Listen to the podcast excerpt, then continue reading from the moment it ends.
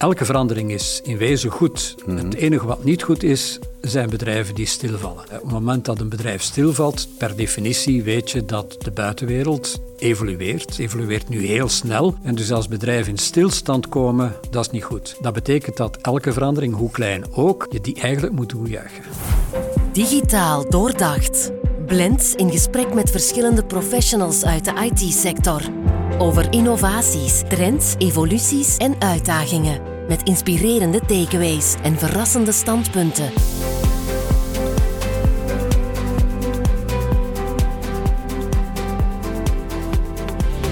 Digitaal doordacht. Een breedhoeklens op de IT-sector. Vandaag en morgen. Uw host Dimitri Stuur. Verandering is onvermijdelijk in onze wereld en organisaties moeten zich voortdurend aanpassen om relevant te blijven. Onthoud dat woord, relevant. Change management, dat is het proces gericht op het beheersen en begeleiden van die veranderingen binnen organisaties. Ze moeten niet enkel soepel verlopen, ook de gewenste resultaten opleveren. Om dit topic, change management, even bloot te leggen, konden we niet beter aankloppen dan bij Rick Vera. Rick is auteur, futuroloog, bedrijfsfilosoof en een kleurrijk en gedreven keynote-spreker. Hij neemt geen blad voor de mond, dat beloof ik u, over hoe organisaties relevant kunnen blijven in een snel evoluerende samenleving. Van businessmodellen naar leiderschap, van digitale innovatie tot klantgerichtheid.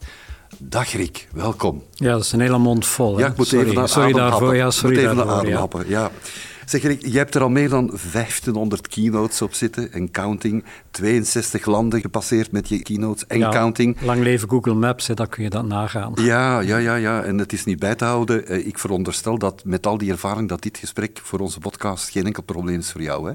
Ik vind, het, ik vind het fijner om dit soort gesprek te hebben dan op podium te staan. Op podium ben ik de zender. Hier zitten we tenminste met twee mensen rond tafel. Ja. We gaan eens een varkentje wassen. Eh, in, niet in C lastig voor jou dan weer, Rick, want eh, jij houdt van change, van verandering.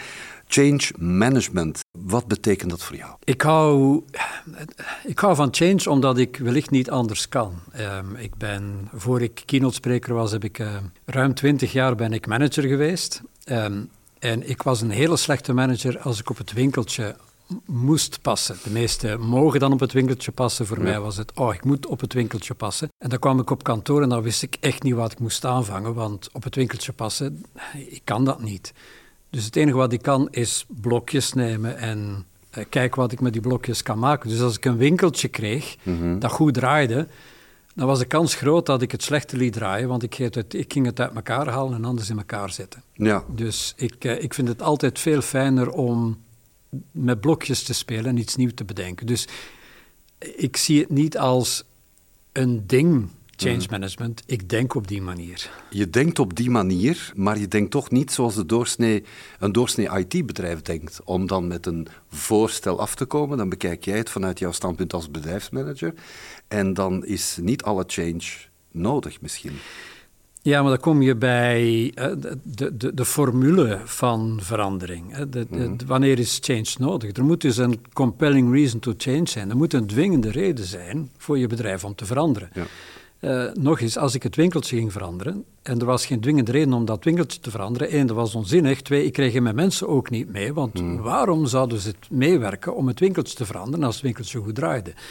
Dus je moet altijd heel duidelijk hebben of maken waarom het winkeltje zou moeten veranderd worden. En ik denk dat ook IT-bedrijven, bedrijven en bedrijfsleiders daarbij kunnen helpen. Om hen te vertellen, hey, daarom draait het winkeltje niet goed en zo zou het winkeltje beter kunnen draaien. Ja. Het is de klant die eigenlijk resultaat wil zien en maakt zich geen zorgen om welke eh, procedures en welke systemen worden toegepast. Ik kan me voorstellen dat je in dat soort uitspraken, dat jij jezelf daarin terugvindt van het interesseert mij geen moer om een woordkeuze van jou eruit te halen als het maar werkt. Ja, maar ik denk dat als je als IT-bedrijf, en ik, ik heb het altijd van de andere kant bekeken. Ik heb eh, nadat ik eh, manager was en eh, wat anders ging doen, ook een aantal jaren zelfs heel actief meegewerkt met een van de grote aanbieders in het IT-landschap, om Microsoft niet te noemen. En ik heb daar geleerd dat ik zelf als bedrijfsleider, maar ook doorsnee bedrijfsleiders, dat je met twee dingen rekening moet houden. Het eerste is effectief. Je moet ze overtuigen dat iets veel beter kan worden. Ja. Eh, en dat veel beter is waar zit je pijnpunt en hoe kan ik je pijn wegnemen? Tegelijkertijd zijn ze, denk ik, weet ik, heel gevoelig voor, maar zorg ervoor dat bij het wegnemen van die pijn je geen andere pijn veroorzaakt. Ja. de dingen die lekker lopen in mijn organisatie, de dingen waar ik niet van wakker lig, dat ik daar overmorgen niet van moet wakker liggen, omdat die ineens aangeraakt worden en ineens niet meer functioneren zoals ze op dit ogenblik functioneren. Gebeurt dat men te veel wil veranderen, met alle gevolgen van dien? Uh, beide gebeuren. Uh, gebeurt dat er te veel verandert en dat het door een aantal fundamenten van de organisatie mhm. ook veranderen. Of te weinig gebeurt. Of dat het te weinig gebeurt. En dat men te conservatief is en te veel bestaande processen en procedures gaat omzetten tot digitale processen en procedures. En dan krijg je icing on an old cake. Dus met andere woorden zeg je, wat goed loopt, moet je niet onderuit halen. Ja, maar wat goed loopt, moet wel in het perspectief van de toekomst gezet worden. Het wat nu goed loopt, ja. het kan best zijn dat het goed gelopen heeft tot op dit ogenblik. Mhm. Maar dat de context waarin je... Veranderd is. Hè, dat is de relevantie waar je het in het begin over had. En dat je zei, onthoud dat woord goed, want het gaat wel een aantal keer terugkomen. Dat is die relevantie. Hè. Ehm, je bent nu relevant, het loopt nu goed. Ja. Maar het kan best zijn, doordat de context verandert, dat je relevantie minder aanwezig is, dat je minder relevant bent. En dus dat datgene wat goed loopt op dit ogenblik, als je dat iets vooruit gaat kijken in de tijd, goed gaat gelopen hebben. En als je het goed wil laten lopen, dat je misschien ook aan de fundamenten gaat moeten zitten. Dus dat toekomstperspectief is ook altijd een hele belangrijke. Mhm. Stel nu dat je de fase bent ingetreden als bedrijf, we gaan veranderen. Daar krijg je weer de volgende uitdaging. Hoe bereid je je organisatie voor op een verandering? Niet iedereen is meteen mee, hè? Uh, zeker niet. Um, ook daar leer je zelf uit en heb ik zelf uitgeleerd. Uh, de, de, eerste keren dat je change management doormaakt, en ik mm. heb het een aantal keren moeten mogen, mogen doen. Ik kreeg op de duur, ik zat in een grote internationale organisatie, ik kreeg op de duur alleen maar winkeltjes die slecht draaiden, omdat ze wisten van, als ik zo'n winkeltje naar Rick geef, veel slechter kan ik niet maken. En uh, als hij er begint aan te morrelen, dan kan het alleen maar beter worden. Dus ik kreeg altijd van dat soort winkeltjes. Ehm, en dan... Je maakte van een klein winkeltje telkens een grote winkel, dacht ik. Vaak, ja. Ga er niet vals bescheiden over zijn. Ja, Dat, dat, is, en dat, dat varieert. Hè. Dat gaat mhm. van groeien van een aantal percentages tot zelfs maal tien doen.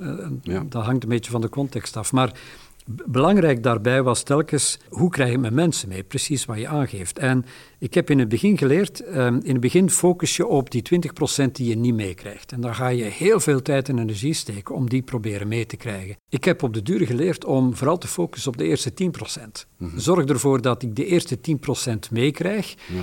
En dat ik die niet alleen meekrijg, maar dat ik die ook stoffeer met het verhaal. Dat die in staat zijn om ook het verhaal, want uiteindelijk is change gaat over een nieuw verhaal. Een nieuw verhaal wat in dit geval ik zelf meestal bedacht, maar als ik alleen maar de bedenker was daarvan en de mhm. enige zender was van dat verhaal, dan werkte het meestal niet. Dus ik wilde zo snel mogelijk een tiental mensen, een tiental procent van de mensen om me heen die dat verhaal konden navertellen. Dus communicatie, het belang van open communicatie, Ja, en het, het belang van storytelling. En niet mijn verhaal, maar zodanig het verhaal zo maken dat zij het verhaal zich eigen kunnen maken en het verhaal beginnen te vertellen. Wij hebben tijdens COVID-19 geleerd hoe je een virus stopt. Je stopt een virus door mensen te isoleren. Hoe verspreid je een virus? En verandering is een virus. Mm een virus dat een lichaam binnenkomt, een lichaam gaat daar negatief op reageren en een lichaam wordt ziek. Dus dat moet je verhinderen. Dus je moet een virus leren verspreiden en dat doe je door superverspreiders te hebben. En ik maakte dus een aantal superverspreiders rond mij. Ja, ja, het virus zou de wereld veranderen, maar wij hebben ons verzet tegen die veranderingen van het virus. Uh, jammer genoeg, ja, maar dat is een heel andere discussie. Ja, dat is een heel andere ik, ik, heb een blog daarover geschreven de, en ik hoopte toen dat we na het virus een andere wereld zouden hebben. Mm en ik zie dat uh, jammer genoeg weinig of niet gebeurd is. Ja, Rick, wat geniet jouw voorkeur? Hè? Men maakt een onderscheid tussen adaptive change of transformational change, gradueel in stapjes, of meteen alle registers opentrekken. Ben jij de man die zegt van als manager in een bedrijf van liever in stapjes, dat iedereen mee is? Het hangt gigantisch van de context af. Ik heb een aantal keer zelf bedrijven begeleid in hele dramatische, drastische verandering. Mm gewoon omdat als ik het niet deed, er overmorgen geen bedrijf meer was. En dan heb je de keuze niet om dat langzaam te doen en in kleine stapjes te doen en te hopen dat je iedereen mee hebt. Maar er zijn ook omstandigheden waarbij je zegt, nee, ik, uh, we gaan voor adaptieve verandering. Mhm. De wereld om je heen is veranderd, maar is niet zo dramatisch veranderd dat je morgen niet meer bestaat, dat je morgen niet meer relevant bent. Maar je moet wel gaan ja, bijschakelen, je gaat moeten opschakelen om relevant te blijven. En dan kun je dat letterlijk opschakelen. Kan je versnelling hoger gaan zitten, stapje per stapje, en mensen incrementeel meekrijgen. Ik ga zelden een waardeoordeel uitspreken over verandering. Ehm, elke verandering is in wezen goed. Het mhm. enige wat niet goed is, zijn bedrijven die stilvallen. Uh, op het moment dat een bedrijf stilvalt, per definitie weet je dat de buitenwereld evolueert de evolueert altijd, evolueert nu heel snel. En dus als bedrijven in stilstand komen, dat is niet goed. Dat betekent dat elke verandering, hoe klein ook, je die eigenlijk moet toejuichen. Ja. Rick, je hebt ook een, eh, in, in het verleden, toen je manager was bij een aantal grote bedrijven, had je ook een eigen stijl om die change management anders aan te pakken in je communicatie naar de, de IT-integratieleverancier. Ehm, je ging er zelfs eigenlijk wel... Uh, je, je, trok echt lijn, hè? Je stond uh, met de hakken in het zand. Ja, ik heb ze een aantal keer wit laten wegtrekken met de opdracht die ik ze gaf. Um, bij de meeste bedrijven loopt de volgorde van de opdracht op deze manier. Je begint met je ERP, je begint met je backend goed te organiseren. Mm -hmm. En dan ga je naar je frontend kijken, dan ga je naar je verkoop kijken en dan zet je een CRM-systeem op. Dat draait bovenop dat ERP-systeem. Ja. Dat lijkt de logische volgorde, maar voor mij was dat intuïtief niet de juiste volgorde. Omdat ik altijd ervan uitgegaan ben, als je relevant wil zijn, dan ben je relevant voor de klant, dan ben je mhm. relevant voor de markt. Dus ja. je original species is de klant. En dat betekent, als je daar gaat over nadenken, dat je de klant ziet als een soort steen die je in water gooit en dan krijg je rimpelingen. En die eerste rimpeling is die klantbeleving en mhm. pas die laatste rimpelingen zijn hoe je dat organiseert. Nee. En dat betekende dat ik naar een implementatiepartij toestapte en tegen die implementatiepartij zei: Ik wil beginnen met mijn CRM. Hmm. En als mijn CRM goed ingeregeld is en lekker flexibel is, lekker vloeibaar is omheen de klant, dan gaan we kijken welke processen en procedures we nu nodig hebben. Ja. En die we wat meer voeten vastzetten, want dat doe je met een ERP-systeem, dan zet je het wat meer vast welke gaan we nu daaruit lichten en gaan we wat meer vastzetten, maar we gaan het in die volgorde doen.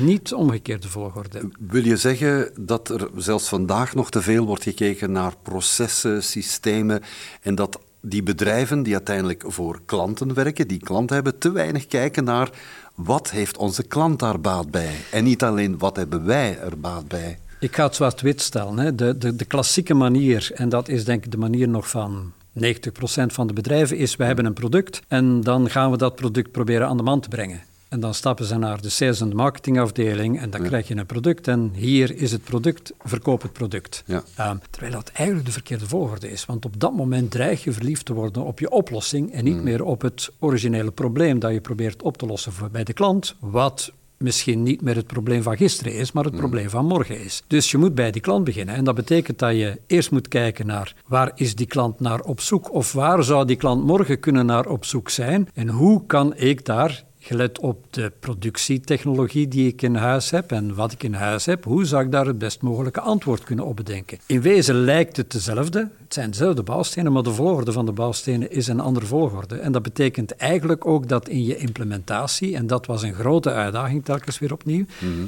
je die volgorde moet aanhouden. En dat is een wat andere volgorde.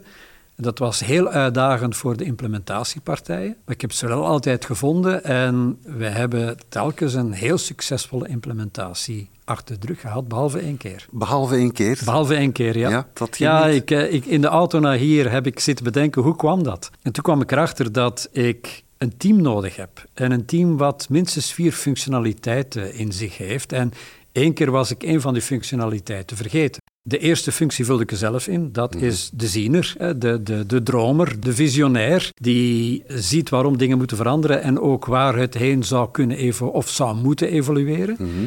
Maar dat is niet genoeg. Ik kan geweldig dromen, maar ik kan die droom niet omzetten in een timeline. Dus ik had ook altijd een planner nodig. Iemand die zei, oké, dat is het, uh, dat is het plan. Dat is de timeline, dat zijn de stappen en zo gaan we dat uitvoeren. Mhm. Nu, de planner is ook meestal niet de beste doener. Dus je hebt ook een doener nodig, of een team van een aantal doeners. Een aantal mensen die dan aan de slag gaan. En de laatste keer was ik vergeten om er ook de fixer bij te hebben. Want die doeners die laten ook hier en daar wat losse eindjes. Want die blijven doen en die blijven die timeline volgen. En daar blijven een aantal dingetjes achter die niet helemaal geregeld zijn. Ja. Dan heb je een fixer nodig. En de laatste keer was ik die fixer vergeten. En hoe kwam dat dan, dat je die fixer was vergeten? Gewoon vergeten. Ik, ik kan nu in retrospect zeggen, Ja. zo stelde ik een team samen. Ik heb dat nooit proactief zo gedaan. Ik deel het nu graag in retrospect, Ja. opdat andere mensen niet dezelfde fout zouden maken. Maar het was wel een kritisch eh, gebeuren uiteindelijk. Het, het, eh, het, het maakte dat er te veel losse eindjes bleven. En als dan mensen met dat systeem aan de slag moeten, dan lopen ze tegen die losse eindjes aan. Ja. Een van die losse eindjes kan ook zijn dat het systeem geïntegreerd is of toegepast is, werkt, maar dat het personeel gigantisch veel moeilijkheden ondervindt om ermee te leren werken, het nieuwe systeem. Ja, ehm, een van mijn stokpaardjes. Niet alleen nu, ik zit nu in een aantal raden van bestuur of een aantal raden van commissarissen en ik blijf tot mijn grote verbazing slash ergernis merken dat in een tijdperk, en we zitten toch al sinds zeg maar de iPhone in 2007 zitten we volgens mij in dat tijdperk, dat we geen handleiding meer nodig hebben om met een device of met een product aan de slag te gaan. Als ik mijn kleinzoon bezig zie, die is negen op Roblox en wat hij allemaal doet op Roblox en hoe intuïtief dat allemaal werkt. Ja. en dat hij zichzelf heeft leren coden en dat hij zelf spelletjes bouwt en zelfs dingen bouwt op Roblox, dan... Die kan al meer dan jij, Rick. Oh, absoluut, ja. Gelukkig maar. Hij zal het ook nodig hebben, vrees ik, Ja. om meer te kunnen dan ik. De wereld verandert. Dus ik leer van hem nu. Ik ga er heel graag naast zitten. Ik, ik raad ook elke bedrijfsleider uit aan. Ga een keer naast je kinderen of kleinkinderen zitten. Als ze op Roblox zitten. Veroordeel dat niet. Maar even, dat is het verhaal Roblox. Maar in, in dat soort tijden... eh, Lees jij nog een, hand, eh, lees jij nog een handleiding? Eh, ik ga ervan uit dat eigenlijk een device of wat dan ook, of software, eh, een usability Ja, factor precies, heeft om ja. snel mee weg en te dan, zijn. eh, en ik heb me er ook altijd tegen verzet. Ook al, en toen ik dingen implementeerde, dus praat ik over de jaren 90 en de jaren 00, altijd tegen verzet. Ja. Tegen die hele lange opleidingstrajecten die mensen nodig hebben om een systeem te kunnen gebruiken. Zijn die er vandaag nog, Oh denk je? man, ja. Ik, ik ga geen namen noemen, maar ik zit in een raad van bestuur waar ik tot mijn ergernis moest horen dat na de implementatie van het ERP-systeem de mensen, inclusief salesmensen, en ik praat over ettelijke tientallen uren opleiding, moeten volgen om Ja. het systeem te leren hanteren. Dan klopt er toch echt iets En dan, dan draait mijn maag om. Ja. Dan denk ik van, dit kan in deze tijden eigenlijk niet meer. Ja. Maar het komt nog vaak voor, zeg je. Het is eh, volgens jouw indrukken dat Ik, eh, het, eh, ik, ik merk dat het nog vaak voorkomt. En ik denk dat daar een grote uitdaging ligt, zowel bij de leveranciers van dat soort systemen als Mm. bij de implementatiepartijen, om dat in de mate van het mogelijke terug te dringen en dat in, het mate, in de mate van het mogelijke zo gebruiksvriendelijk mogelijk te maken. En met gebruiksvriendelijk bedoel ik, het moet intuïtief zijn. Ehm, ik, ik gebruik daarbij graag het, het Engelse letterwoord feast, fast, easy, accessible, simple en tempting. Mhm. Mensen moeten met plezier dat ding opentrekken. Ehm, er is niks erger dan al die apps die je op je telefoon hebt die je nooit gebruikt, Ja. omdat ze niet tempting zijn. Ja, eigenlijk is het een rijkelijkere definitie van customer effort score, wat je nu geeft met Feast. Eh, ja, al, al onderschat je... eh, ik ben een gigantische voorstander hè, van de Customer Effort Score. Ik ben een grotere promotor van de Customer Effort Score dan van de NPS. Ja. Ehm, ik blijf ervan overtuigd dat de impact op de klantrelatie van een lage Customer Effort Score groter is dan van een grote NPS. Mhm. Rick, bestaat er zoiets als, we hebben het de hele tijd over change management, eh, er zijn verschillende pistes die kunnen bewandeld worden. Bestaat er zoiets volgens jou als de ideale formule om te veranderen? Ja, en mensen kijken me dan altijd raar aan en zeggen: Rick, jij en formules? Ja, waarom hou ik van formules? Omdat formules variabelen nodig hebben. En ik hou van variabelen, maar je moet met die variabelen wat doen en dan heb je een formule nodig. En ook durven doen, spelen, durven met de Ja, variabelen pre- precies, spelen. met die Ja. variabelen durven spelen. Ja. En de formule to change bestaat uit drie, in sommige versies vier factoren. En ongezien het factoren zijn, moeten ze alle vier aanwezig zijn. En ik hou het even bij de formule die er vier heeft. Ehm, de, het, de eerste factor is compelling reason to change. Als mensen geen reden zien om te veranderen, dan ga je nooit verandering krijgen in een organisatie. Dan mag je dat pushen zoveel als dat je wil. Ja. Mensen zien niet, voelen niet waarom verandering nodig zou zijn. Maar je moet er wel mee opletten. Want compelling reason to change is negatief en is niet directioneel. Dat betekent, het is een negatief gevoel, niet fijn, en mensen gaan alle richtingen uit. Dus is je het niet daar fijn omdat mensen niet willen veranderen in, in is eerste niet fijn. instantie? Niemand, Ja. niemand houdt van een negatief gevoel. Het, het is nodig, het is nodig dat we veranderen, maar het is een negatief gevoel. Het is Ja. een gevoel van onheimelijkheid en Onzekerheid En en zo, onzekerheid. ja. En ik wil alle, de- iedereen gaat alle richtingen uit. Dus je hebt die tweede factor nodig en dat is visie. Ja. Waar gaan we dan naartoe? En communicatie ook, vermoed ik. Eh, ja, maar die, die hoort bij de, de, de volgende factor. De visie die je nodig hebt, maar de visie is ook, dat is je verhaal. Ja. Hè, dat is, waar gaan we naartoe? En dat is positief Mhm. en geeft een directie. Dus dan heb je al het negatieve, niet directionele, je compelling reason to change, dan heb je je visie. Dan heb je een derde element nodig, dat is de stappen. Ja. Mensen moeten de volgende stap zien. Zelfs als mensen weten, ik sta op een binding platform, daar is de uitgang, dan zijn ze nog verlamd. Dan moet je ze bij de hand nemen en die eerste twee, drie stappen zeggen. Nou, ik was Ja. heel goed in dat eerste, heel goed in dat tweede. Ik had hulp nodig om mij te helpen bij dat derde. Mensen die mijn visie konden omzetten naar dit zijn de stappen die je moet zetten. Ja. En zeker als je het over een IT-implementatietraject hebt, dan heb je een vierde element nodig, dat is resources. Als je geen tijd vrijmaakt om dat te doen, als mensen dit even naast hun dagtaak er nog moeten bijpakken, als er geen budget uitgetrokken wordt en als die budgetten niet goed doorgedacht worden, want budgetten hebben ook met je data te maken, met je omzetten te maken, met je training te maken, met je implementatie te maken. Als je die vier elementen niet hebt, dan ga je nooit de weerstand van mensen en een organisatie tegen verandering, ga je die nooit overwinnen. Ja. Klinkt allemaal mooi, want het kan soms eens echt niet willen lukken door omstandigheden. Ja.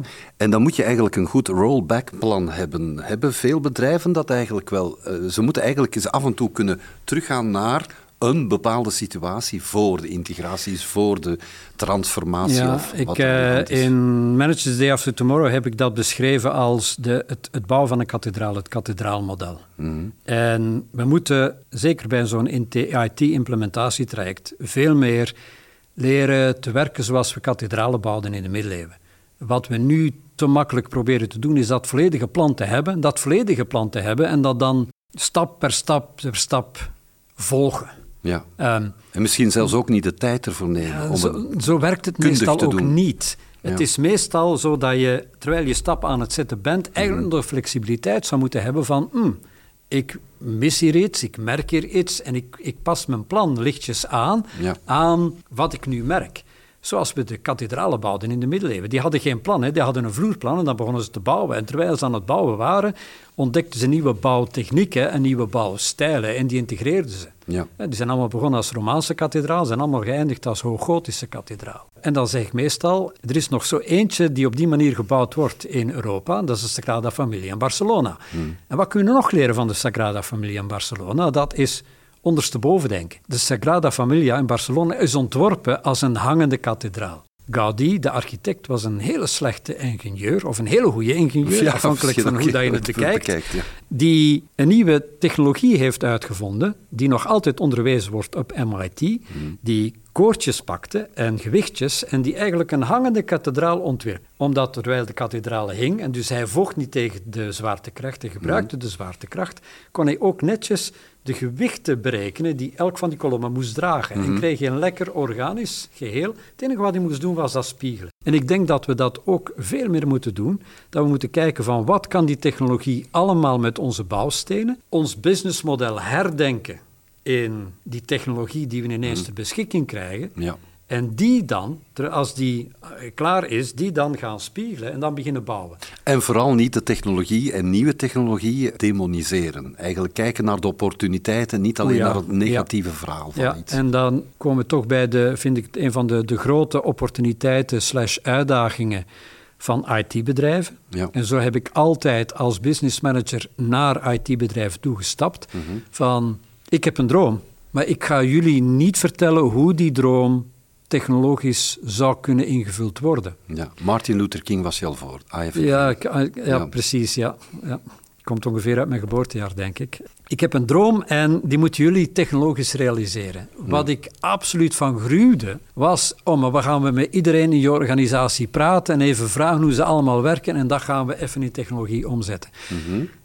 Ik had dat echt niet graag. Ik wilde dat ze mijn businessmodel probeerden te doorgronden en daar, daar had ik, was ik echt bereid om daar heel veel tijd en energie in te steken. Maar dan wilde ik dat ze met de hulp van technologie kijken hoe kunnen we dat nu zo optimaal mogelijk doen. En dus het was niet zo dat de technologie voor het veranderen kwam of het veranderen voor de technologie. Het was de beide tegelijkertijd. Ja. Ik had een droom en ik keek naar technologie om die droom te realiseren. En technologie kon me helpen om die droom te realiseren. Maar ik ging niet tegen de technologiepartner zeggen hoe ze dat precies moesten doen. En dan kom je bij dat eerste wat jij zei van, dat is van doe maar. En dat had ik heel sterk, doe maar. Ja. Maar de doelstelling blijft heel duidelijk. Ik wil dat kunnen. Met, om het even, hoe dat je het in, hoe je dat Welk invult. systeem wordt ja, toegepast ja, maar ik als wil je dat doel maar kunnen. bereikt? Ja. Oké.